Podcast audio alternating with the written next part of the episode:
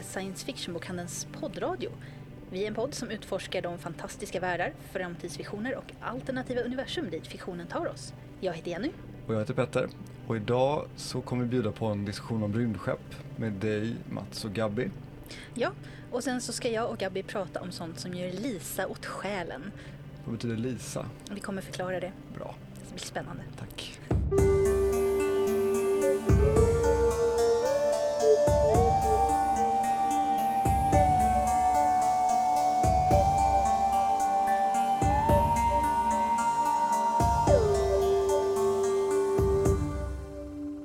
Först och främst, eh, Jenny, vi har fått ett mejl. Ja, vi har fått en eh, lyssnarfråga ifrån Marcus.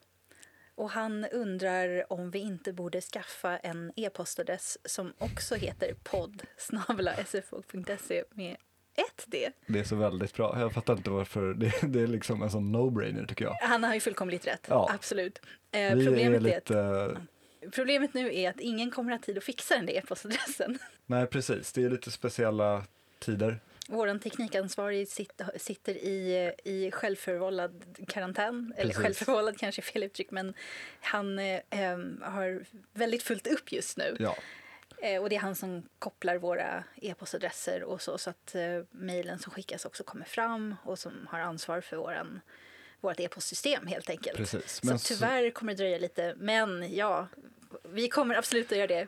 Eh, tack för tipset Marcus, det var Japp. bra tänkt. det uppskattas, tack och bock. Ja, Men på tal om karantäntider och kor- coronatider. ja eh, vi har ju ännu mer problem nu då.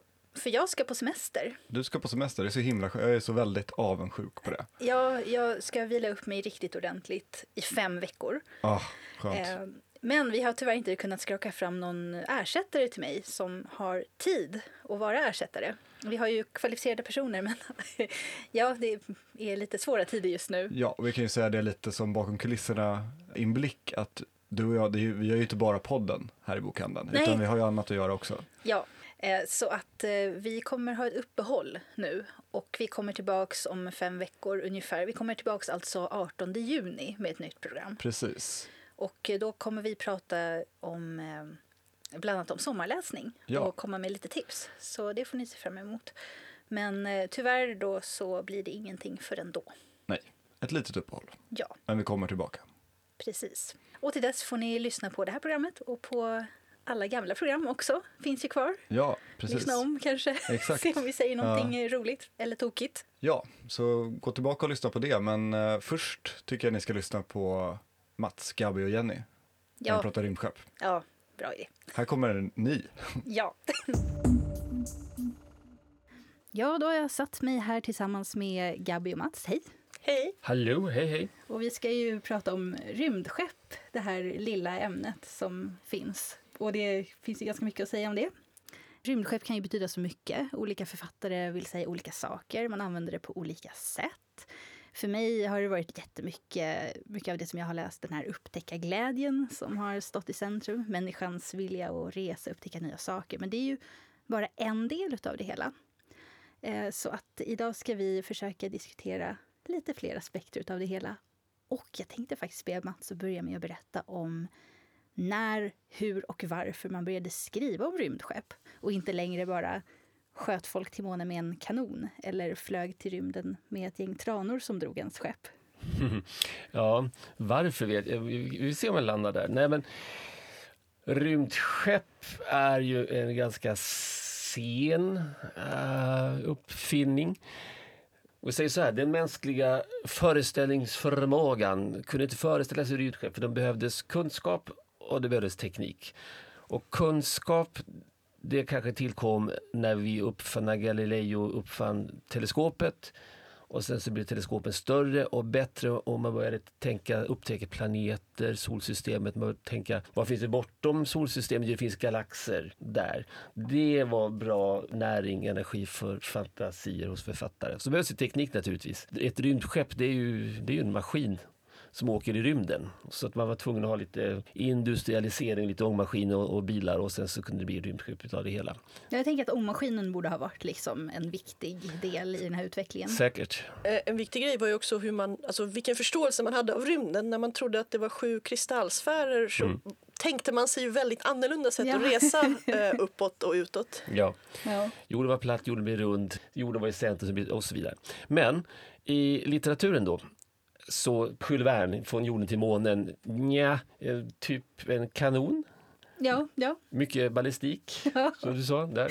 Kanske inte riktigt det bästa sättet. Det fanns många olika fantasifulla sätt att resa. Men rymdskeppet på riktigt, nästan. Kanske 1920 har jag förstått och tänkt. För då kom den här Pulp Fiction, de här riktigt fantasifulla äventyren i rymden, det som så småningom blev Star Wars. Men på 1920-talet i USA framförallt. Eh, äventyrsberättelse i rymden, inga konstigheter. Det är ungefär som ja, det var det här liksom för liksom man seglade iväg för att upptäcka nya öar och nya världar. Ja. Fast nu åkte man ut i rymden Ja, man istället. tar segelskeppet och sätter i rymden och, Ja. och åker där istället ungefär. Ja.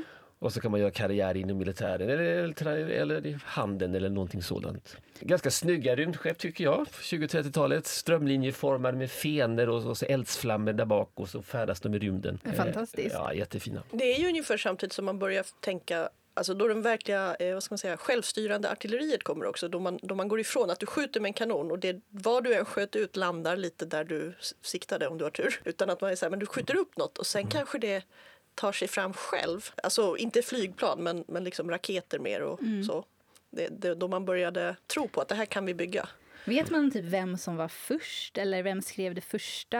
Eller är det liksom lite diskutabelt vem som började med det hela? Ja, jag, jag tror att som allt annat så det kanske inte är något där han eller hon var först utan det, det, blev, det byggs på Ja, hela ja, tiden. Ja. Har du några tidiga författare som man skulle kunna titta lite på? Oj, det finns antologier med, som har samlat noveller från 1920-30-talets, kanske också 40-talets pulp fiction som det kallades.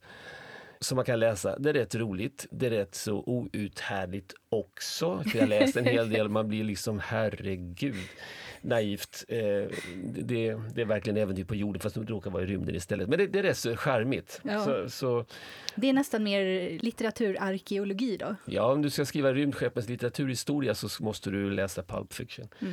Eh, och du börjar med Jules Verne. Du kan börja längre tillbaka i tiden, men där någonstans. Men sen på 40-talet och 50-talet framförallt, då blir rymdskeppet mer seriösa. Då, då tittar vi mer ut i solsystemet och bortom solsystemet, för då kommer det författare som Arthur C. Clarke, Robert A. Heinlein med flera. Som var då lite mer, hade lite bättre koll på teknik, på hur ett rymdskepp fungerar. Och alla de här superkända namnen också som alla science fiction-läsare har hört. Ja. Även om man inte har läst dem så tror jag även folk som inte läser science fiction Ja. antagligen hört talas om dem. Precis. Även om författare som Heinlein till exempel var, i många av hans ungdomsböcker var det typ att du kunde hemma på din bakgård kunde du snickra ihop och fixa ett rymdskepp själv. Ja. men, men det blev lite mer realistiskt och, och sen därifrån har vi då nu fått flera olika typer eller sorters rymdskepp. Eh, om man vill läsa en tidig faktabok eh, om, om eh, rymdskepp så tycker jag faktiskt att John D. Clarks Ignition är väldigt rolig. Den kallas An Informal History of Liquid Rocket Propellants och handlar om på 30 och 40-talet när amerikanska armén blandade ihop diverse hemskt giftiga kemikalier och hoppades att de exploderade vid rätt tidpunkt och på rätt sätt. Och den innehåller rader som så här. eh, När du är en rakettekniker så behöver du ett skarpt förstånd och väldigt snabba springben. Ehm, Den men låter jätteintressant. Vi har pratat om den någon gång Ja. förut tror jag. Och jag tänkte så men den måste jag läsa. Du kan få låna min. Och sen har jag inte hunnit. Ja, det vore ju väldigt snällt. Tack. Men kan, kan vi inte inventera vilka rymdskepp finns det? Jag menar, det första rymdskeppet var ganska enkelt. Du ska åka från punkt A till punkt B, till månen eller någonstans och, så, och sen Ja, jag tillbaka tänkte på helst. det. För att, eh, alltså, från början var det väl så här att eh, vi ska åka till månen. Mm. För det var en himlakropp som var nära och som man såg. Och som man tänkte, men dit borde man ju kunna åka, vi ser den ju. Men eh, när jag tänker på rymdskepp nu och åka långt bort i rymden, så här, då är det ju snabbare än ljuset som gäller. Och det är ju två helt olika, egentligen två helt olika genrer idag. Och sen är det också, alltså, det finns ju rymdskepp som man använder för att ta sig någonstans och sen utspelas det där. Eh, även de här Mars invaderar-grejerna. Det fanns ju rymdskepp och tefat och grejer. Men det, där är det bara en, en transportsträcka. Och sen finns det de berättelser där själva rymdskeppet är i centrum. Där medan du reser är där berättelsen utspelar sig. Mm. Eh, men jag tänker att eh, många av de här berättelserna som handlar om att resa till månen och handlar om, även i nutid, handlar om att resa i solsystemet fokuserar rätt så mycket på tekniken bakom rymdskeppet. Att det, den är liksom viktig. Det kanske beror lite på vad man har läst då, men eh, om man tänker på en författare som Alastair Reynolds som har skrivit böcker som ändå handlar lite om det här rymdhissar, man bygger liksom en krans av satelliter runt jorden eh, och baser på månen och, och såna här, såna här saker. Man bygger upp, liksom, man förlänger jordsamhället på sätt och vis. Mm. Ja, men tekniken, ja det är klart den är viktig. Alltså, Mm. Pulp Fiction, det fanns ingen tanke på teknik, man Mm. bara åkte. Men så kan man inte göra riktigt idag. Men te- tekniken i sig är ju sällan, aldrig temat för berättelsen utan det, det Mm, handlar hela mm. tiden om inte vet jag, drömmen om att fly från, eller, eller färdas, upptäcka nya världar, whatever. Mm. Men det är det jag tänker på när jag tänker på det här snabbare än ljuset, för då åker man långt bort. Väldigt Mycket långt, bort.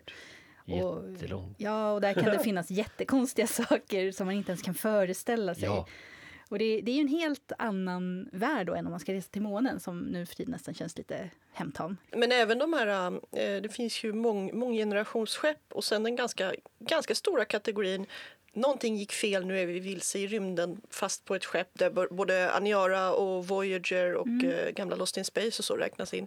Det kan ju vara långsammare än, eh, än ljuset eller så har din eh, snabbare än ljuset-motor gått sönder och du driver öde i tomheten. jo. Men du, vänta lite nu. Månggenerationsrymdskepp, det är ju, det är ju en subgenre. Def, Ja. Definiera. Ja, det är de eh, som tuffar fram långsamt där man helt enkelt räknar med att vi åker nu och om tusen år så kommer vi till eh, solsystemet eh, vid Vega eller någonting och där kommer vi kolonisera. Det, det är ju, jag skulle säga, det är väl den miljö som är mest olik någonting som faktiskt har funnits här. För att vi har ju haft skepp som har åkt på veckor och år och sådär men aldrig att man åker iväg och sen räknar man med att barnbarnsbarnen kommer fram. Nej, det finns väl lite, folk har väl pratat lite teoretiskt om hur man skulle kunna göra det, men det finns väl inga konkreta planer på att resa till en annan Nej, jag menar annat mer hur, hur, man, hur man måste tänka som författare. Det, Mm. Jag tror det närmsta de kommer det är de här kungarna som bara, nu ska vi plantera en ek för om 300 år kommer vi behöva mycket timmer till våra flottor. Ja. Ja, de ekarna står ju fortfarande kvar eh, ute hos mig där jag bor i Botkyrka. Man kan Ja. se dem. Men det är, jag tycker det är fascinerande med månggenerationsrymdskepp, just den här, det är en sluten värld. Mm. Och det finns ju massa romaner som skildrar hur saker och ting går fel i den här slutna världen förstås, för vi är fortfarande bara människor. Ja, det är väl det som jag har läst mest. Eh, Både Elizabeth Bear och eh, Cameron Hurley skriver ju på det temat i sina böcker, några av sina böcker. Eh, Hurley speciellt tänker jag på um, The Stars Are Legion, där månggenerationsskeppen är så stora och så gamla så att eh, folk som bor om, ombord på dem, de vet inte att Ja. de bor ombord på ett skepp. Jag, tänkte jag tror inte ens det är ett skepp, det är någon så här stor Dyson sphere eller något där, de har, alltså där man har inneslutit en stjärna i mitten.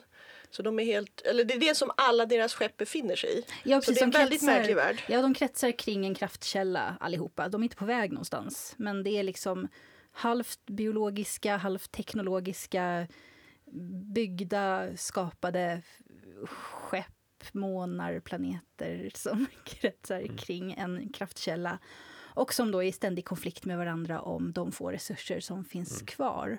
När de plundrar skepp, eller vad man ska kalla dem, som har dött eller övergivits. Min favorit är eh, Kim Stanley Robinson, där, eh, Aurora tror jag den heter. Kommer jag ihåg. Ja. Men själva den idén med en, en innesluten värld som färdas inom rymden och invånarna får man kalla det på det här skeppet, de, ofta har de ju glömt bort Ja, det var de kommer ifrån och tema. vart de är på väg. Ja. Att, att, för att det, det, åren har gått. Mm. Ja, det uppstår ganska märkliga, konstiga sekter eller sätt att se på tillvaron.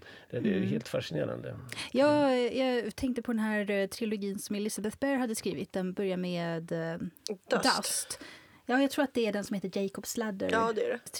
Där har ju, på det här jättelika skeppet, där har ju eh, den före detta besättningen och, och invånarna, de har ju fallit sönder i ett slags feodalsamhälle och börjat modifiera sina egna kroppar dessutom på olika sätt. Och den, den var riktigt intressant att läsa tyckte jag, just för att det, det var så mycket som hade hänt. Just för att AI som styrde skeppet, och där har vi ju ännu en, en kategori nästan AI AI-rymdskepp. Men det, vi, Vi kan gå över det på en stund. Ja. Där AI också har fallit sönder i olika personligheter och om jag minns rätt styr olika delar av skeppet dessutom.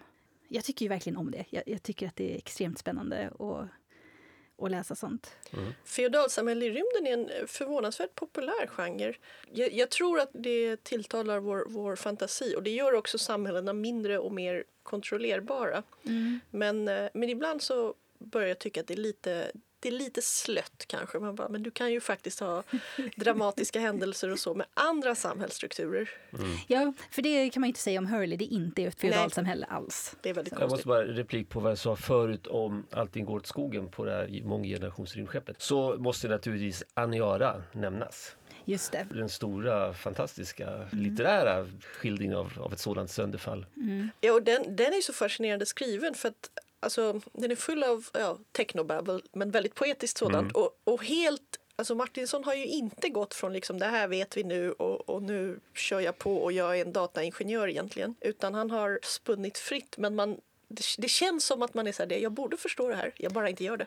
Ja, han går ju igenom olika stadier av filosofiska strömningar i sitt epos. Jag lyssnade på uppläsningen av Aniara som, tror jag, P1, P3 hade gjort. Vi får länka informationen om den ligger kvar. Eh, Det, det, var en, det var, tyckte jag, det bästa sättet att uppleva den på faktiskt. Att få den uppläst av en person som vet hur man läser upp sånt här.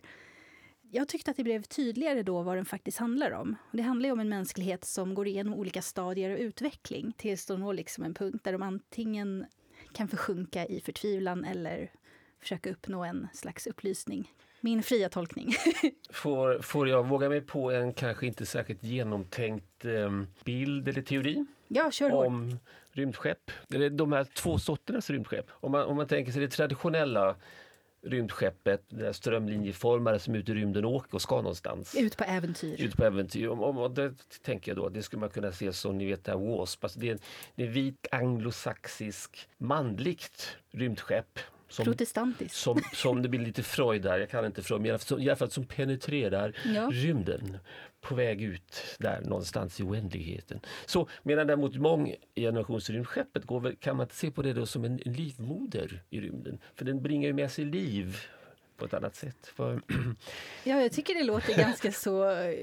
Alltså, om man tänker på vad de här skeppen gör, framför allt de här snabbare än ljuset-skeppen som måste tränga igenom till en annan dimension för att komma liksom dit de ska. Och i månggenerationsskeppet som liksom här svävar som en liten bubbla av liv i Ja. ett tomma intet. Och som väntar också, för det är ju det är ofta det som är tema i väldigt många månggenerationsberättelser. Att samhäll, allting står lite och stampar för du är fast i den här begränsade världen. Och den innehåller ju ändå tanken att människor vill, expan, liksom, vi vill expandera vår värld och vi vill utvecklas men på en så begränsad yta och plats så är det väldigt svårt. Mm. Ja, man väntar ju på den här förlösningen då i, i, i slutet av resan. När man ska nå fram, man vet inte riktigt vad som väntar där. Man vet inte hur livet kommer bli när man väl får lämna skeppet. Och meningen är att man ska lämna skeppet för alltid och bosätta sig på den här nya platsen. Lite som att kläckas ur ett ägg, kan man väl säga. ja, Ja. jättebra. Men någonting som kom stort för ett par år sedan, eller några år kanske nu, det är ju AI-skeppen. Där skeppet själv är huvudpersonen, eller en stor del av handlingen. Jag tänker de två största titlarna är väl Ann Leckis eh, Rudge-trilogi och sen den här eh, Becky Chambers Ja, just det. serie. Eh, a long way to a small angry planet. Ja, Just det, men heter första i. Ian Banks naturligtvis. Självklart. Men, men han, var, han var förra vågen skulle jag säga. Ja, han, han, är ju, han ligger ju kanske inte i grunden mer. Nej men ja och, och Hal, alltså Arthur C. Clarke igen. Ja, då är Det är liksom, om, om vi pratar om den mest ikoniska av alla skepps-AI-er och den elakaste. Nej. Jag kommer alltid att tänka på den här boken eh, som jag läste, som jag lånade på biblioteket när jag var eh, ja, 12-13 kanske, av Jan Guillou. Ja, som den heter Gudarnas berg. Ja, den hade också en skepps-AI. Det handlar om en... Eh, ja, jag blev väldigt förvånad faktiskt. Eh, men jag läste den några gånger då. Eh, har inte läst den sen dess. Du menar det 30 år kände science fiction-författaren Jan Guillou? Ja, eller hur? Wow. Ja, ja, folk som är intresserade kan vad var det för gammal podd som jag blev intervjuad av? Eh, någonting skrotletare eller sånt, vi får länka. Som ringde upp och bara hej, har ni någon på science fiction-bokhandeln som kan prata om den kände science fiction-författaren Jan Guillous gamla bok som han inte låter tryckas om? Ja, är det sant? Han vill inte trycka om den? Ja. Eh, det sa de i alla fall. Jag har inte Okej. frågat honom själv. Anlekis skepp tror jag inte, det som de gjorde stort igen var inte AI-skeppen för Banks och andra har, har alltid hållit på med det och Reynolds och så. Det är liksom fortfarande aktuella författare, aktuella böcker. Däremot eh, Ja, dels att hon var en kvinna och att eh, huvudpersonerna alla benämns med kvinnliga pronomen och sen att det egentligen inte handlade så mycket om teknik för vi får inte veta ett smack om hur de här Rajai-skeppen funkar utom att du har ett jättestort skepp med en stor dator och så kopplar du på några tusen eller kanske tiotusen mänskliga kroppar som alltså är krigsfångar eller möjligen politiska fiender. Och sen tar datorn över dem och de blir eh, en del av de, de blir så här små bluetooth-enheter precis som en mus eller högtalare som datorn kan kontrollera. Men samtidigt har de en slags egen personlighet och en identitet, vilket vi märker för huvudpersonen är den sista mänskliga kroppen som är kvar av ett sånt här jätteskepp. Alla andra i den, det universumet tycker naturligtvis att Raja är alldeles fruktansvärda och vad håller de på med? Vilka monstruösa saker de gör. Ja, men det, det är ju jättehemskt. Och Ja. Man får ju se en scen när, jag tror att det är huvudpersonen, när, när den som hon var en gång i tiden blev, eh, eller om det är någon annan. Men Nej, den, antagligen hon. För hon kan inte sjunga. ja, den som hon var, den människan som hon var blir konverterad då till en del av det här skeppet så att hon, eh, ursprungspersonen dör ju. Nej, Och- det är det de inte gör. Det medvetandet finns kvar under det andra. Ja, delvis. Men, Men jag det- menar, det är, inte, det är inte som en hel, det är inte hela den personligheten. Jag hoppas väl lite att personen har dött för annars så sitter man ju instängd i sin kropp medan man slåss för ens erövrare. Det är lite oklart. Ja, alltså som jag förstod det så var det, alltså rester blev kvar, men eh, inte liksom något medvetande. Men hur gör Banks Hur gör Banks? Eh, eh, med sin AI? Hans rymdskepp är enorma. De färdas genom rymden, genom oändligheten i total ensamhet. Och har de oturen att stöta på till exempel någon människa som kommer i deras väg så blir de otroligt sura och det blir väldigt mycket fuck. För de tappar humöret, de har inget tålamod med små puny människor. Men de ser dem alltså, det är inte så att de bara swooshar förbi och... Ja, det, det, det är lite mer komplicerat än så naturligtvis. Men helst vill de vara i djuprymden helt och hållet för sig själva. Utan besättning? Vadå besättning? behövs väl inte? Nej. Nej, nej. Men alltså det, jag, det jag tycker som är intressant med Läcke, och jag tror lite även hos Banks, är att där är hur de än manifesterar sig så är skeppen liksom personer. Eh, För en ganska vanlig AI i skeppen är ju mer en, ja, men en supportpersonlighet kanske med lite så rolig röst eller, eller jobbig fiende men inte, inte att den är en fullt utvecklad eh, romanfigur.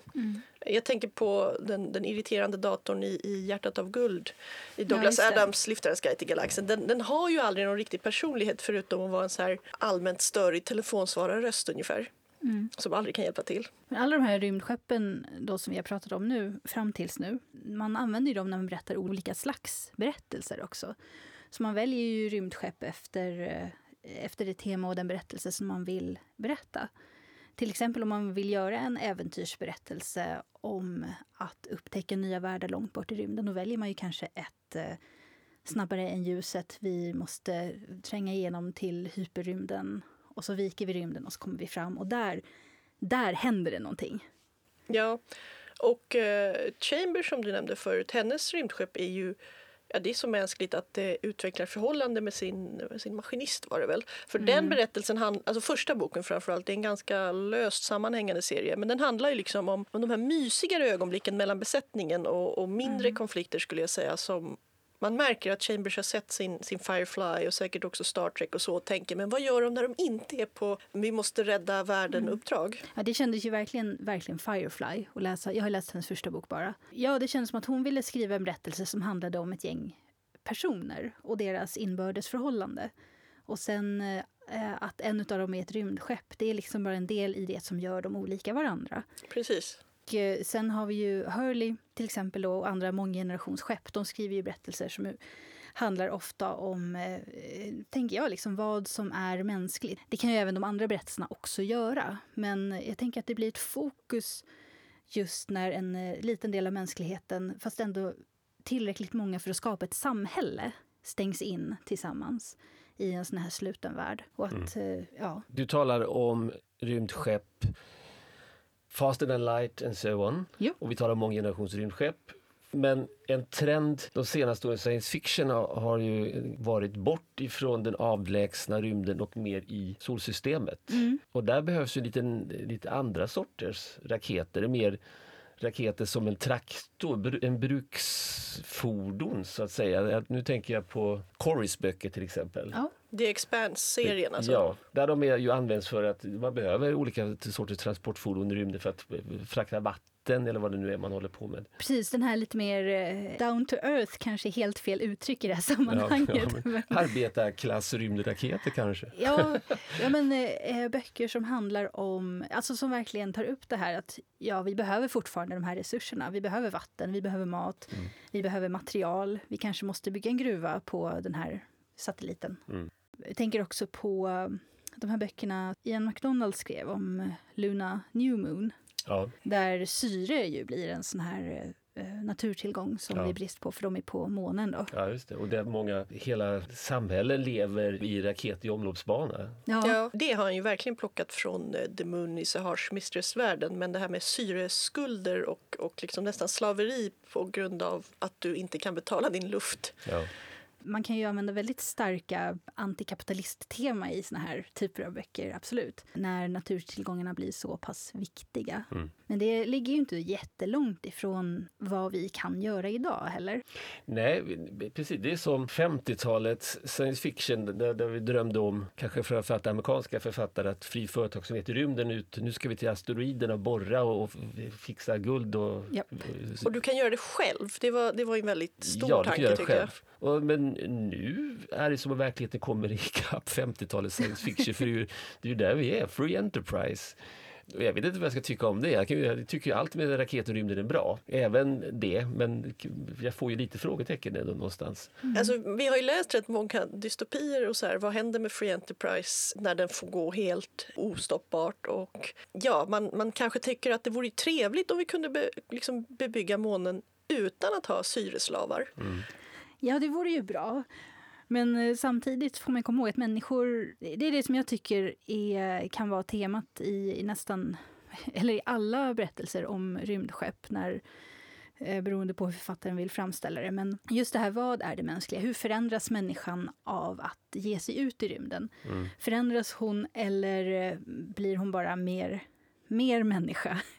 Mer förstärkt när man måste utsättas för de här ganska extrema förhållandena. Och vad gör man då? Hur reagerar man? Ja, det är ju en av fördelarna med att plocka, alltså för ett, ett generationsskepp framförallt, det är ju också en hel värld. Alltså egentligen kan man säga, men vi skriver ju om jorden fast mindre. Men när du krymper allt och, och sätter lite så här extra tryckkokare på det, också när du tänker det att det är inte en naturlig, eh, naturligt evolverad värld som är i någon slags balans, utan det är någon som har byggt den och vad händer om de har glömt något viktigt? Ja, du får snabbare konflikter och du kan också dra upp spänningen ganska ordentligt. Men det, det är väl ofta så med de här, eh, som sagt, lite närmare jorden-berättelserna. Där handlar det ju ofta om den fria marknaden och hur, ja, men hur jorden har eh, tagit för sig av naturtillgångarna i den närmsta rymden. Ofta på månen förstås, men det har ju även på riktigt, alltså även i verkligheten så har det ju börjat komma lite så här, men vem har egentligen rätt att Ja. bedriva gruvdrift på Mars eller Och där har de ju försökt men det ju misslyckats. Alltså, det finns inte något eh, avtal utan det är Nej. månen och Mars, det är up for grabs. Den som är först på Mm. plats får ta det han vill. Så det är ju verkligen ett incitament för Free Enterprise ut i rymden. Och vi har ju också stater, alltså det, det är märkligt att Space Race var ju så stort mellan USA och Ryssland och sen har de lite, alltså inte slutat, men, men amerikanerna har ju pensionerat sina rymdfärger och så. Men både Kina och Indien satsar ju hårt på att, att de ska till rymden. Ja, ja, men, ja, ja, men sen finns det ju privata SpaceX Ja. etc. etc. Som, som funkar ju bra. Ja, men det, det, alltså vi vet ju inte förrän någon har gjort det. Nu, nu börjar man kunna få upp hemsnickrade små raketer liksom upp, upp i atmosfären på riktigt. Inte bara att de flyger över huset och säger boom. Men Hemsnickrade kanske är att ta i. Ja, en, alltså en, del, en del saker har ju gjorts av liksom fyra personers lag och så som, som ändå får upp. För att du kan, du kan 3D-printa saker och du kan beställa förvånansvärt mycket konstiga grejer från internet. Nej men alltså i, i den här småskaliga, vi, vi börjar komma så långt att du, du med ganska litet startkapital kan bygga något som ändå ja, flyger en bit. Nu, inget sånt där har ju kommit i närheten av månen, ännu mindre tillbaks. Men eh, jag tänkte mer att just det här fram och tillbaks, om man ska flytta större mängder av människor, kommer det verkligen gå med, med liksom mindre, eller kommer det vara storföretag som gör det, eller kommer det vara stater? Det får vi väl se. Tro. Men det, det är ju rymdraketteknologin är ju stenåld. Det är fortfarande så att Ja. jordens gravitation är det största problemet vi har och det går åt ohyggliga mängder eh, raketbränsle bara för, bara för att komma bort ifrån jorden. Och det är fortfarande där vi är. Så I det fallet tycker jag science fiction-litteraturen äh, ligger mycket läng- längre fram än verkligheten. Då. För, för det här Ja, ju- förstås. Det, ja, tyvärr. Det är, ju, det är ju helt jättefånigt att vi fortsätter skjuta upp raketer på det sättet. Vi skulle naturligtvis ha infrastruktur. Ja, vad tror vi om rymdhissar egentligen? Jag tycker den är jätterolig, men det förefaller väl Lite osannolik. osannolik om, kanske om hundra år eller någonting verkar det som. Men, Men att ta och- hissen ut i rymden, ja visst. Ja. Och sen raket. 2312 är ju året som Kim Stanley Robinson har satt på en av sina böcker som Ja, den handlar just om att i stort sett hela solsystemet är koloniserat tror jag. Och, och det bor, alltså man har hålat ut eh, vissa asteroider och man bor på vissa planeter och man har så stora städer som flyttar sig på spår på vad är det, Venus eller någon av de här som är alldeles för varm egentligen för att undvika solen. Och jättemycket rymdskepp. Och såklart kamp om konflikter, kamp om självstyre och folk har också genmodifierat sig själv. Men det är ju 2312. Det, han har ju inte satt det jättelångt i framtiden även om han har varit mer försiktig än med typ 1984. Så bara, oj då, nu, där kom den och gick den. Ja, det, det var lite nära kanske. Ehm, så här, nu, nu kommer vi väl snart börja runda av och det är kanske någon som undrar varför vi inte har nämnt Star Trek rymdskepp som ändå är många. Och det är för att vi hade ett program där vi pratade om dem. Det var ganska länge sedan, jag kollade det, 2016. Men eh, om Oj. någon är intresserad av att veta vad jag, Jenny och Gunilla tror jag det var, sitter och pratar om för rymdskepp då med mer Trek-fokus så är det program 20, rymdskepp, som kan jag lyssna på.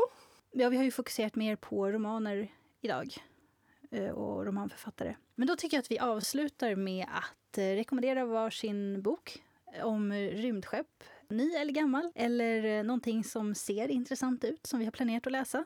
Eh, Mats, du kanske vill börja? Ja, eh, jag har precis börjat läsa Max Barrys senaste roman Providence. Mycket action, eh, mycket filosofi och mycket artificiell intelligens och rymdskepp. Så här har jag bara hunnit till 40-50 sidor men det verkar väldigt lovande. Pro- Providence, Max Barry. Ja, är de, eh, är de på väg ut i yttre rymden eller är det vårt solsystem? Det är det yttre rymden, det är utomjordingar anfaller med tentakler. Oh, Ja, så mänskligheten måste skicka ut rymdskepp och, och kämpa emot det här. ja, Ja. det låter Så spännande. det är en väldigt enkel plott så, men det, det, det, det, han har flera bottnar i det där som gör det jätteroligt. Mm. Jag tror i och för sig att jag tipsat om Jon Harlees Machineries of Empire förut och det är inte helt uppenbart vilken roll rymdskeppen spelar i dem för den tredje boken men det är en eh, väldigt bra rymdopera med eh, en slags biologiska rymdskepp. De kallar dem moths. Jag föreställde mig som stora jätte ja, fågelfjärilar och så har de liksom satt en dator på dem. Eh, sen har jag också en bok jag plockade upp igår och inte hunnit läsa som i alla fall utspelas på någon slags rymdpilotakademi.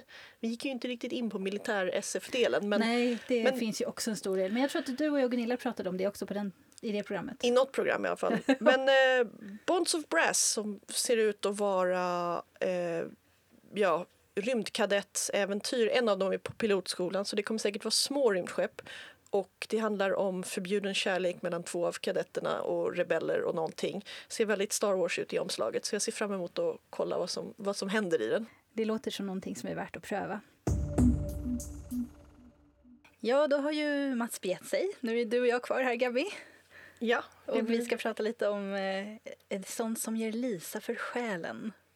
Ja, och eh, jag var lite förvånad när du sa det och så plockade du fram några manga. Hur, hur är sammanhanget där? Förutom att manga i allmänhet är bra för själen. Ja, för det första så tänker jag Jag hade en sån här liten situation häromdagen när jag sa att någonting gav Lisa för själen och personen jag pratade med sa men vad betyder det? Och då tänkte jag oj, ingen använder de orden längre.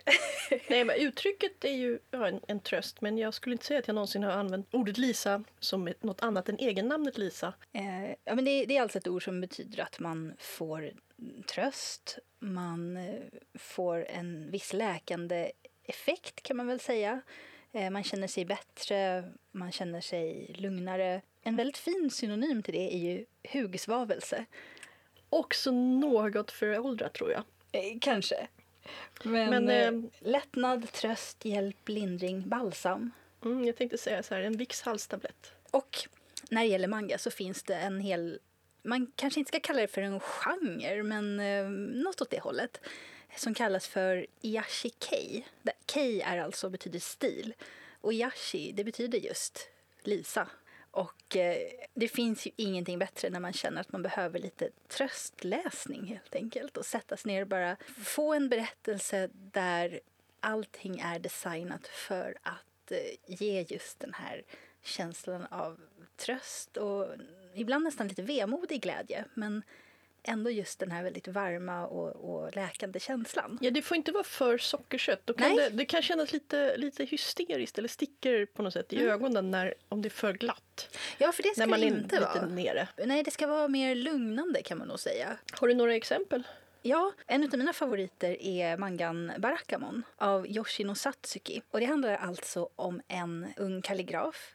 Han ingår alltså i den här extremt traditionella, gammalmodiga världen i Japan eh, som helt enkelt traditionellt bevarar och utför kalligrafi, alltså av kanji Ja, oftast. som men- man sen säljer som konstverk, eller hur? Absolut, och hänger upp liksom hemma. Det finns fortfarande bevarat i, i traditionella japanska hem så finns det ju en, ofta en väldigt specifik alkov av huset där man just ska hänga upp en kalligrafirulle med en text som säger en något speciellt. Jag skulle tro att de flesta i Sverige som har sett kalligrafi utföras, antingen har man gått på Östasiatiska museet, så här Ja. demonstrationer eller så, eller så har man sett Crouching Tiger, Hidden Dragon, där det ju utspelas i Kina. Men det finns ju med en väldigt färgstark kalligrafiscen där de har en så här jättestor pensel. Ja, ja och, och det får man ju se i den här mangan också.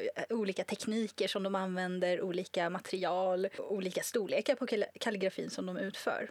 Och det här är ju också en eh, konstform som de har ärvt ifrån Kina. Liksom extremt, extremt mycket av den japanska kulturen kommer från den kinesiska högkulturen mellan så här, år 600 och år 1200 ungefär. Men det, det är väldigt mycket ett arv ifrån det. Den här mangan handlar då om en ung man som är väldigt, ganska så nervöst lagd av sig. Och eh, under den här hårda pressen då att vara helt perfekt och skriva helt perfekt så får en viss form av kritik och smockar till en av de allra mest vördade äldste inom den här världen. Och hans pappa skickar iväg honom omgående till en liten lantlig ö någonstans i Japan. Där han måste eh, lära sig vad det var för fel han faktiskt gjorde. Han måste inse själv vad problemet med det hela är för någonting. Och det gör han inte på en gång. Det dröjer ett tag. Men han får ju då hjälp av alla dessa helt vanliga människor som bor på den här ön. Och framför allt en liten föräldralös flicka. Och nu låter det här jättegråtmilt. Men det är verkligen precis tvärtom. För hon är superglad. Och hon invaderar hans liv. Hon är ungefär åtta år, tror jag. Sex eller åtta år. Hur gammal är han? I 20-årsåldern. Han är ung, men han är liksom inte tonåren. Nej. Han, han eh, är en etablerad professionell utförare av den här kalligrafin, men ganska så ny kan man säga. Hans värld som är som sagt väldigt gammalmodig, väldigt traditionell, väldigt mycket överklass krockar ju då med hennes värld som är ganska så fattiga bönder och handelsmän i en liten, liten by på en väldigt avlägsen ö Typ långt bort ifrån allt vad stadsliv heter. Och eh, handlingen är helt enkelt att han ska lära sig både om sig själv, vem han egentligen är och eh, så märker man ju efter ett tag att det här påverkar ju hans kalligrafi naturligtvis. Han har ju många, många sådana tillfällen när han har gjort någonting nytt men så blir han så nervös att han inte vågar visa upp det. Så, så det blir liksom två steg framåt, ett steg tillbaks väldigt mycket. Men det, det utvecklas en otroligt fin vänskap, både mellan honom och den här lilla flickan, det här barnet, men också med de andra i byn. Och han lär sig respektera dem på ett sätt som han eh, han har inte liksom träffat människor på det här sättet förut. Och varje kapitel som man läser av den här mangan får en bara att vilja sitta där och le av ren mild glädje. Och man får den här mysighetskänslan som är någonting av det bästa man kan få. Speciellt om man kanske är lite ner eller på lite dåligt humör så kan jag verkligen rekommendera den här. Den är helt fantastisk. Mm. Jag, jag har också ett tips som jag tror faller inom den här genren. Eh, A Man and His Cat. Som är en manga av Umi Sakurai och handlar om, precis som det låter, en, en man och hans nya katt. Eh, han är, jag skulle säga att han verkar vara på väg att liksom, bli pensionär rätt snart. För alla, alla är så här, åh han, han har jobbat här länge på den här skolan. Men han är också enkeman. Och som alla som har hört talas om, så här, läst om japanska män i nyheterna så verkar de bara jobba hela tiden. Och har inte alltid så mycket liksom, kontakter utanför jobbet, utom sin partner. Och den är jag skulle säga den är jättefin, för den handlar om, den är också väldigt rörande för mig som är extremt kattallergiker och absolut inte kan ha en katt. Och nu när man sitter hemma rätt mycket tänkte att gud vad skönt det vore att ha lite så här, du vet, sällskap här i lägenheten. finns inget bättre än en spinnande katt i knät alltså. Ja, det är vad han också tycker. Och katten han väljer kommer, är, är inte längre kattunge och det är väl det jag skulle liksom brasklappen för den här mangan, att den börjar ju i en japansk eh, djuraffär och de är hemska. Ja, Eh, de är tyvärr riktiga mardrömmar. Och de visar också. Alltså det, det är så här, de, de har små kattungar i små typ plastburar. Mm. Eh, och I den små här, bås liksom, fast de är väldigt små. ja, väldigt små. Ja. Och den här katten har då börjat bli för gammal och dessutom är den ful tycker de. Den har en, en så här pälsfläck i ansiktet. Jag förstod inte först förrän jag såg förklaringen men när barn ser den så är de så här åh den snorar. Ja. Och det tycker de inte är fint. Men när han väl fått hem katten så är det bara typ bara brahet. Han tar hand om Ja. den, han lär sig, han pratar med Dels så hans vän som har en hund är ju också så här först inte alls en kattmänniska men blir lite långsamt omvänd. Och han får kontakter via djuraffären och andra som där han lär sig hur tar man hand om ett djur. Och de, de är så söta tillsammans. Ibland bara sitter jag och tittar på så här serierutorna och bara åh. Men där kommer det här vemodet in också, att båda är ju så ensamma i början. Och eh, de läker varandra, och läsaren, Precis. eh, i sitt möte. Och, och när de börjar liksom skapa sitt liv tillsammans. Mm, ja, jag tror det är det. Och samtidigt så är det inte, det blir inte heller de här otroligt dramatiska svängningarna som du får ofta i, i ja, men kärleksserier. Nej, nej. Eh, eller om eh, Barakamon hade varit en, en Shonen Jump-serie, då hade han ju typ då hade det varit så här, jag ska måla med min pensel tills jag brinner! Jag undrar om det inte det finns säkert någon shonen-serie som handlar om skulle Vi får återkomma när vi har gjort research. Ja. Det finns, säkert, det finns absolut säkert någon som slåss med kalligrafipenslar. Men eh, i alla fall, det här är inte den typen av serier. Nej. Ingen slåss med penslar eller katter. Och det här är också serier som man skulle kunna rekommendera till alla åldrar. Det är inte bara ungdomsserier. Kanske de allra yngsta, inte att det går lite över huvudet på dem, men det är ändå så pass eh, enkla historier så att de, de är inte svåra att förstå. Men eh, som vuxen så finns det väldigt mycket i den som, som säger mer än tror jag man kanske alltid ser som barn. Framförallt eh, om man tänker på Gubben och katten, eller A man and his cat då. Ja. Som jag har vant mig vid. Jag läste den på japanska först. ja, vi har den faktiskt på japanska också. Ja. Importerad. Eh, och då heter den Ojisama Toneko. Och eh, Ojisama är ju ett väldigt respektfullt sätt att säga en äldre man. Mm. Det kan betyda farbror eller gubbe. Och jag bara vande mig vid att säga gubben och katten. Ja, Vilket kanske inte är så här, men på svenska det om man bästa, skulle men- liksom översätta den, då kanske man skulle säga en farbror och hans katt eller något sånt. ja, typ långa farbrorn och... Nej, Ja. men, jag, måste, jag Långa skulle väl farbrorn och tjocka katten. Ja, men typ någonting i den stilen för att få den rätta känslan. Nej, men det, det finns väldigt mycket vemod i den här berättelsen för att han, gubben och änkemannen har ju både förlorat sin fru men också förlorat kontakten med sina barn. Som han är lite... Ja, jag ligger lite efter dig Ah. där i läsandet så jag har inte kommit så långt att det har blivit en, en grej än. Men jag tror är nämner det också- för tidigt men det är Ja. bara... Ja, precis, men man förstår ju, det är lite... Jag tror mycket är den här effekten av det japanska samhället, att det, det är lätt liksom att bli ensam och förlora kontakten med, med sina egna släktingar om det blir något missförstånd eller så. Han har ju säkert varit ganska frånvarande som förälder, till exempel. Mm. Författaren har ju gett katten en mycket större förståelse för människors språk än vad som är liksom, eh, realistiskt. Ja, men de pratar, det är inte som katten Gustav eller så. De liksom Nej. pratar inte med varandra på det sättet. Är då, han, de pratar inte med varandra, de kommunicerar liksom. De förstår varandra men inte med ord, självklart. Men eh, katten reagerar ju på mycket av det som människor säger. Men det verkar inte vara en perfekt förståelse heller, tycker jag. Nej. Alltid. Nej, ibland så... Det är ofta att den förstår att känslorna och sen Mm. utgår den från någonting som typ Han har inte blivit lekt med, jag måste motionera min gubbe. Eh, och så, ja, så börjar de leka och så blir gubben glad och då tänker ju katten nu har jag fått det rätt. Men egentligen, ja det är så himla gulligt också. Han, han eh, lär sig använda sin mobil, alltså kameran på sin Ja! mobil. och tar massa bilder. Ja. Ehm, så det, det är stor igenkänningshumor tror jag för kattägare. Men som en som då aldrig har haft pälsdjur så kan jag lova det funkar även om man inte har det. Eh, En annan av mina favoriter det är ju Natsumes Book of Friends. Som också har en katt på omslaget. Ja, det har den faktiskt, men det är inte en riktig katt. Eh, Den är skriven av Midori Kawayuki och eh, den handlar om en ung föräldrarnas pojke. Men den här serien har övernaturliga inslag och handlar också alltså om hur han alltid har kunnat se det övernaturliga. I den här serien så kallar de för Ayakashi. Det är alltså typ oknytt, kan Ja. man säga. Eh, Och Skrömt, som de heter i den här nya rollspelsboken vi nyss fick. Ja, ja. också passande. Den här katten som blir hans bästa vän är ju också en Ayakashi som eh, egentligen är väldigt, väldigt mäktig men han tar form av en fulsöt liten katt eh, när han flyttar in i Natsumes nya... Natsume blir då at, eh, adopterad av ett väldigt, väldigt snällt par. Och sen han kommer då också till den här väldigt lantliga byn och börjar gå i en, i en liksom ganska liten skola och träffar nya vänner. Då så får han för första gången i sitt liv både en familj som verkligen bryr sig om honom och en eh, ny bekantskapskrets där han faktiskt träffar några som också kan se det han ser. Och han börjar dessutom förlika sig lite grann med att han kan se de här sakerna, någonting som han alltid har hatat. Och det är någonting som är genomgående tycker jag är typiskt för den här typen av serier. Det är ju att eh, man ska nå liksom en inre förståelse av sig själv och en acceptans både av sig själv och av sitt liv med hjälp av väldigt snälla och vänliga människor runt omkring sig.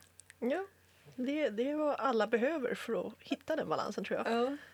Men det är ju inte allt som kan ge Lisa för själen. Det kan man ju göra på väldigt många olika sätt. Jag menar, jag vet folk som tycker det är supermysigt att sjunka ner med lite Silent Hill i soffhörnan. och det är väl kanske inte det jag skulle välja. Men var och en har sin egen lilla, sitt eget sätt att uppnå frid och ro på. Ja, jag tog mig tiden som jag nu har lite extra av och eh, gjorde något som jag... Alltså att städa kan för vissa vara väldigt rogivande. Jag är inte en av dem. Däremot, och det här är inte en arbetsskada för jag gillade det även innan jag började här, att flytta om i min bokhylla, Ja. vilket är delvis är städning men det är en rolig sorts städning. Mm. Det är, när man har tid och, och en plan, då tycker jag det är jättetrevligt. Eh, Det är, alltså, det är ganska kul att flytta runt när vi organiserar om bokhyllorna här också för det blir så fint efteråt. Men på jobbet är det ofta lite mer tidspress och det är liksom... Ja, men har det här, du måste vara klar den här tidpunkten. Bara, Ja, och sen vet man att man Fast- kommer kanske vara i vägen för folk eller ja men så någonting. är det ju. Och, och då, hemma kan man ju bara eh, lägga allting på golvet, spelar ingen roll. Ja, det, det var så jag gjorde nu för jag har, jag har flyttat bokhyllor eh, ganska många gånger. Jag har inte räknat hur många hur mycket böcker jag har exakt men det täcker ett helt rum, väggarna runt. Och förut, innan jag flyttade, så var det väl sex eller åtta billighyllor i dubbelrader. Det var lite svårt att avgöra för en del stod under sängen. Men Det eh, är lätt att samla på sig, framförallt när man jobbar på en bokhandel. ja, och eh, när man läser manga också, för det blir ju Ja. många volymer. Men eh, en av sakerna jag har märkt om vi ska ha en eh, Gabbis skola i bokorganisering, så fort du har mer än en halv billy, om vi, om vi använder ett billy som, som mått, för jag tror att våra 60 och 90 hyllor här på jobbet, det, det är nog bara SF-bokhandelsfolk som har känn för hur mycket det är. så är det jätte, jättebra att lägga ut dem på golvet om man vill sortera på genre eller något liknande. Mm. För böcker kan ta både mycket mer och mycket mindre plats än man tror. Återigen, manga kan vara lättare eftersom de är ofta väldigt uniformt tjocka. Men eh, mina, ja, min- sortering just nu hemma är så extremt personlig. Ingen annan skulle hitta något i mitt bibliotek. Den är också väldigt, går på höjden för jag är 1,80 lång så Ah. det går liksom hela vägen upp till taket. Eh, men högst upp står gamla pocketböcker som jag inte kommer läsa om så ofta men som jag vill ha kvar. Och bara Stephen King på svenska blev en och en halv meter ungefär. Men Jag kan tänka mig det. han skriver ju Alltså, tjocka böcker också. Ja, och ja. många. Har, du, har du Det och Pestens tid? Ja, och eh, De mörka tornet-böckerna och sådär. Ja, just det, de är ju ändå rätt så... Det är sju böcker. Ja, men första boken är mycket tunnare än de sista tre. Ja, Eh, det, Precis som med Harry Potter. Liksom. Det är väldigt, du kan inte så här, ja, men om eh, det visar stenen är så här tjock så kommer, jag, så kommer Harry Potter ta så här mycket plats. Nej, du måste titta på alla böcker. ja, det är verkligen en extrem skillnad i tjocklek på dem. Eh, men, eh, och jag har gjort det där misstaget förut. Jag börjat stapla in allt, plockat ut allt, Mm. dammat av fint, börjat stoppa in, upptäcker att nej, det här går inte. nu, nu blev min skräckhylla liksom, nu blev det så tre böcker över. Mm. Plus att om man, just när man har hyllsektioner mer, då är det ganska skönt att inte knökfulla dem det första du gör. Man blir ofta så här, och den här borde jag ju köpa. Och då är det kul att inte Att det är helt fullt så får man... Ja, Precis, så får man liksom, första man gör när man får en bok till är bara, nej, dags att flytta på allt igen. Ja, jag har så mycket böcker som jag måste... Jag måste göra någonting åt min bokhylla nu för jag har så mycket böcker som bara ligger ovanpå. Det är så här, nej, det, det här är inte bra. Ja, jag, jag är mer på dubbelradssystemet för jag tycker de går sönder också när de ligger ovanpå ibland. Ja, Och där hjälper det ju att ha olika format. Eh, stor manga och så liten manga eller liten pocket och stor pocket kan man ofta klämma in en stor pocket och så en liten pocket framför så ser du i alla fall ett, en skymt av vad som står bakom. ja, precis. Man inte glömmer bort vad det är som står där. Vissa sorterar ju på färg och sånt också vet jag. Det är Ja. inget jag En gång, ett tag när jag var, när jag var i, i tonåren och hade mycket mer tid och sortera om bokhyllan precis när jag ville. Då sorterade jag helt enkelt efter vilka böcker jag tyckte var bäst. Ja, det, gör, det gör jag också. Eller så här, jag tänker de böcker som jag vill läsa om regelbundet måste ju stå så att jag når dem utan en pall. Ja, Eh, Det är därför som så här, gammal, gammal fulskräp pocket hamnat högst upp där inte ens jag kommer åt dem direkt. Jag har ju inte så mycket böcker.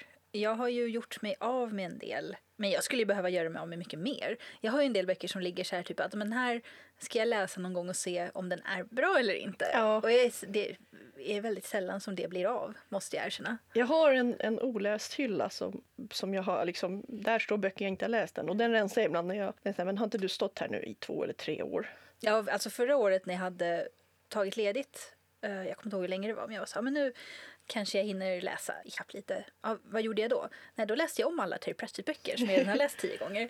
Det, det måste jag säga, Terry Pratchett är ju Lisa för själen för mig ofta. Bara komma tillbaks till den här världen som jag har upplevt ändå så många gånger. Det, det, är- för det är ju någonting som vad den är egentligen. Och jag tror också därför som många kan känna samma sak för till exempel Silent Hill eller Ja, liknande. jo, men det, man är ju, man är liksom, det är någonting, Hemvant. Ja, precis. Det känns som att komma hem lite.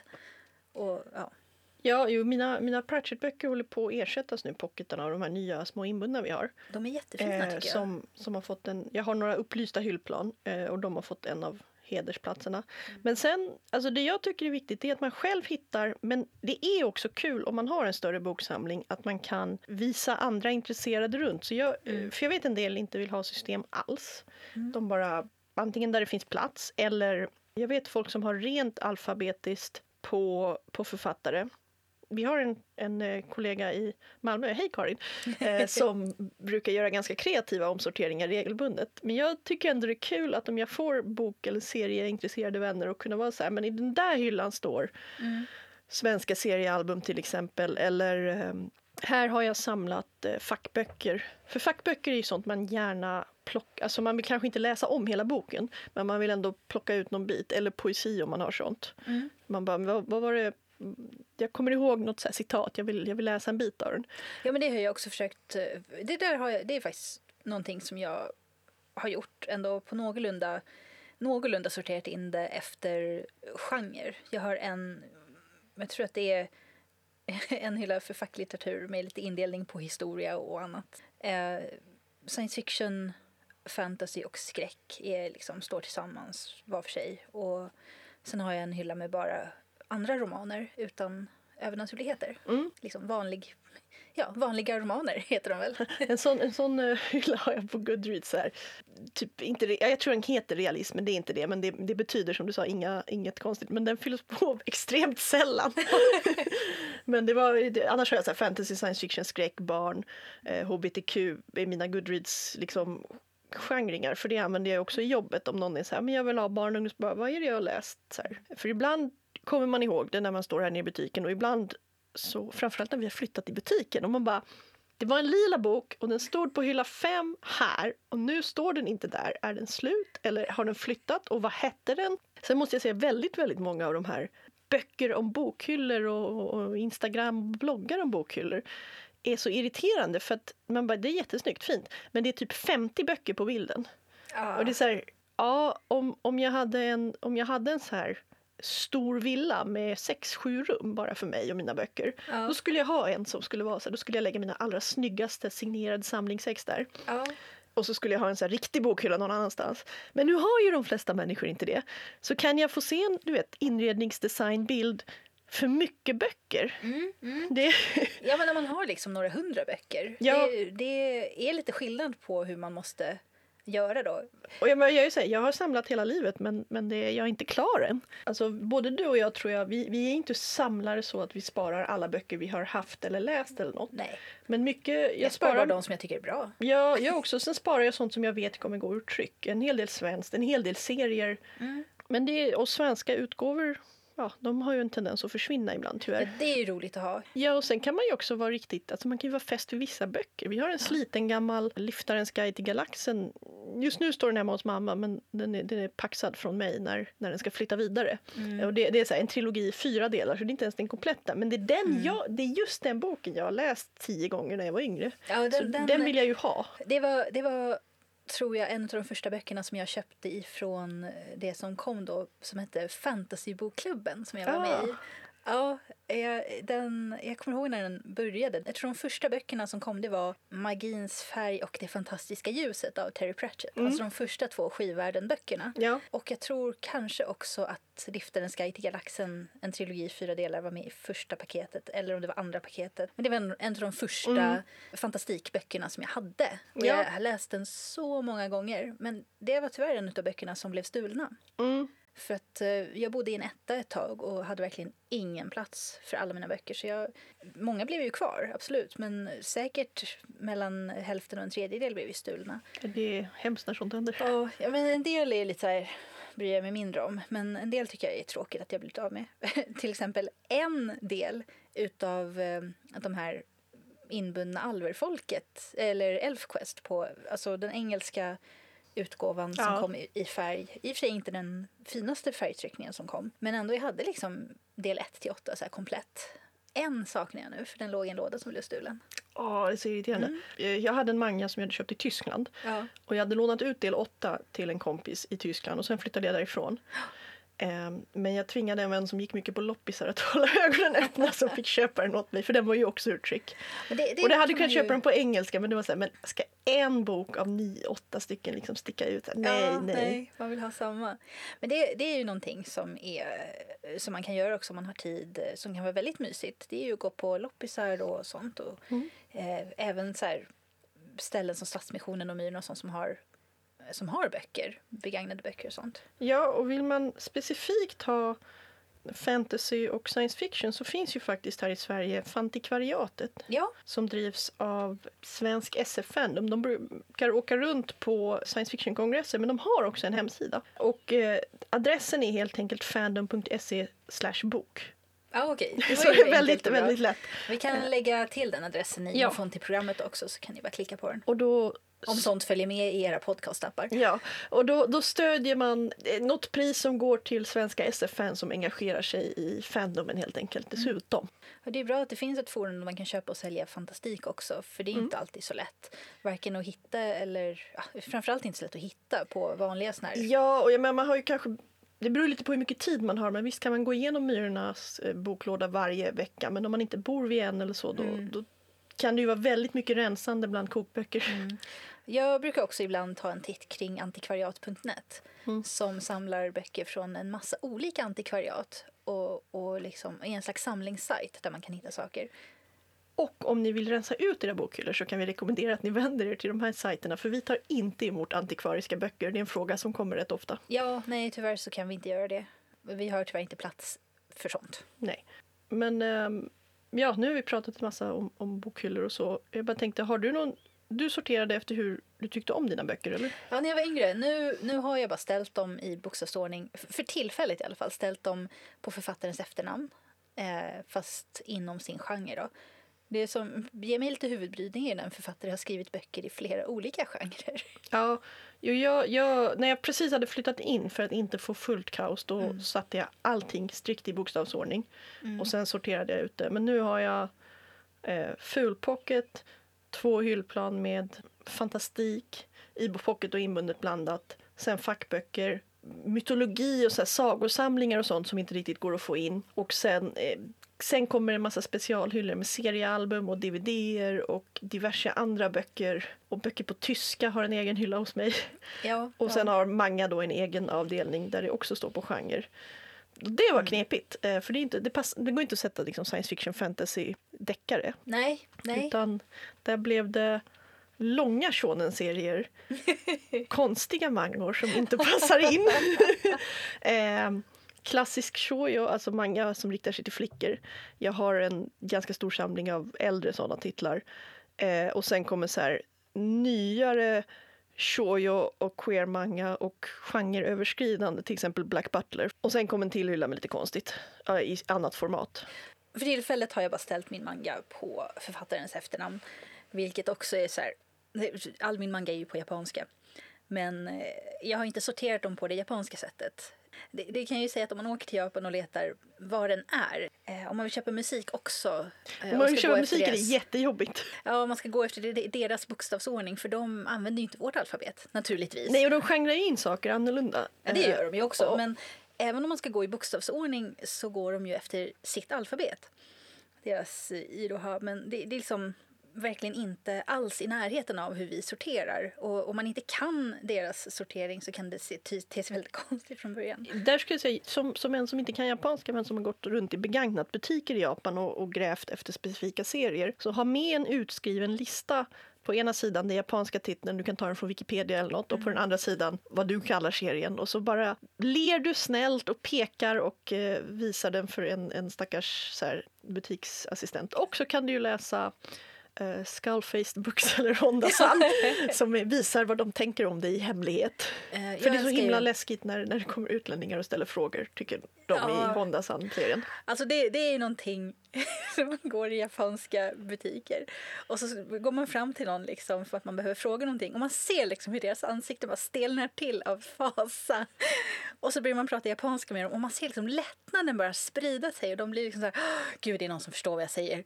Alltså jag, jag får nästan samma reaktion om man håller fram, alltså den här när man håller fram en lapp Ja, som är på lapp? japanska Ja. och, och man liksom kan, för då är det så, ja, men då, här är en person som vet vad de vill ha, de vill inte typ småprata med mig. ja. Eh, vilket, jag tror inte att de får så mycket svenska turister för jag har nog aldrig varit med om Alltså svenskar i allmänhet går inte in i en kläd eller bokbutik och bara nu ska vi småprata lite Nej. utan inte ens här i Gamla stan där folk har, har tid och det är mycket turister och så. Det är ingen som kommer och bara hej, ska vi snacka lite? Utan då vill man prata om någonting man hittar eller ser eller om vi har någonting. Man har ju ofta ett, ett syfte.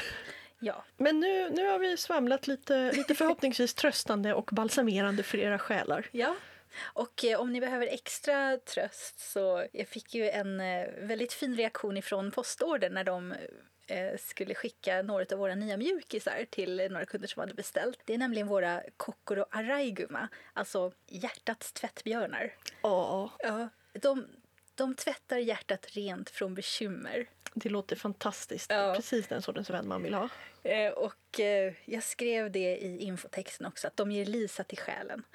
Ja, det kan jag ju också skjuta in. I mangahyllan just mellan olika genrer så har jag satt min samling av diverse japanska söta saker. För nu börjar det bli så många sälar och valar och regnbågslamer att jag liksom måste ha dem någonstans. Men ja, nu har vi samlat lite om våra bokhyllor och hur vi sorterar. Och har ni åsikter om hur man bör sortera eller hur man absolut inte bör? Man ska aldrig ställa böckerna med ryggen inåt. Alltså, men det är ju så skumt. jag vet, det sätt eld på den inredningsdesigner som kom på det.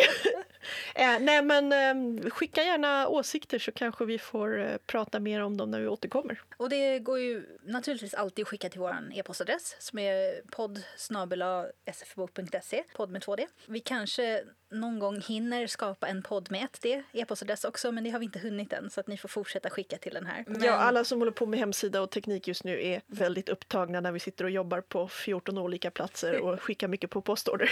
Precis. Men eh, det går ju alltid att höra av sig på ett Instagram eller på Facebook också. Ja, precis. Om ni, tagga oss gärna om ni har en snygg selfie. Eh, Vi heter sfbok för Stockholmsbutiken. Och så finns vi också sfbok Malmö och sfbok Café Sirius för Göteborgsbutiken och Göteborgs Café. Ja, precis. Eh, Det var allt för den här gången då, så ses vi om en dryg månad igen. Ja, för nu ska Jenny ta välbehövlig semester och arrangera om sin bokhylla. Precis, det är det jag ska göra de här fem veckorna. Ja. Absolut. Eh, vi... Hon tänkte sätta dem i första meningen i varje bok i bokstavsordning. Vi får testa lite olika eh, sätt helt enkelt. Precis. Men vi är alltså tillbaka den 18 juni. Så att ni får vänta till dess helt enkelt. Men förhoppningsvis så hör ni på oss då. Hej då! Hej då!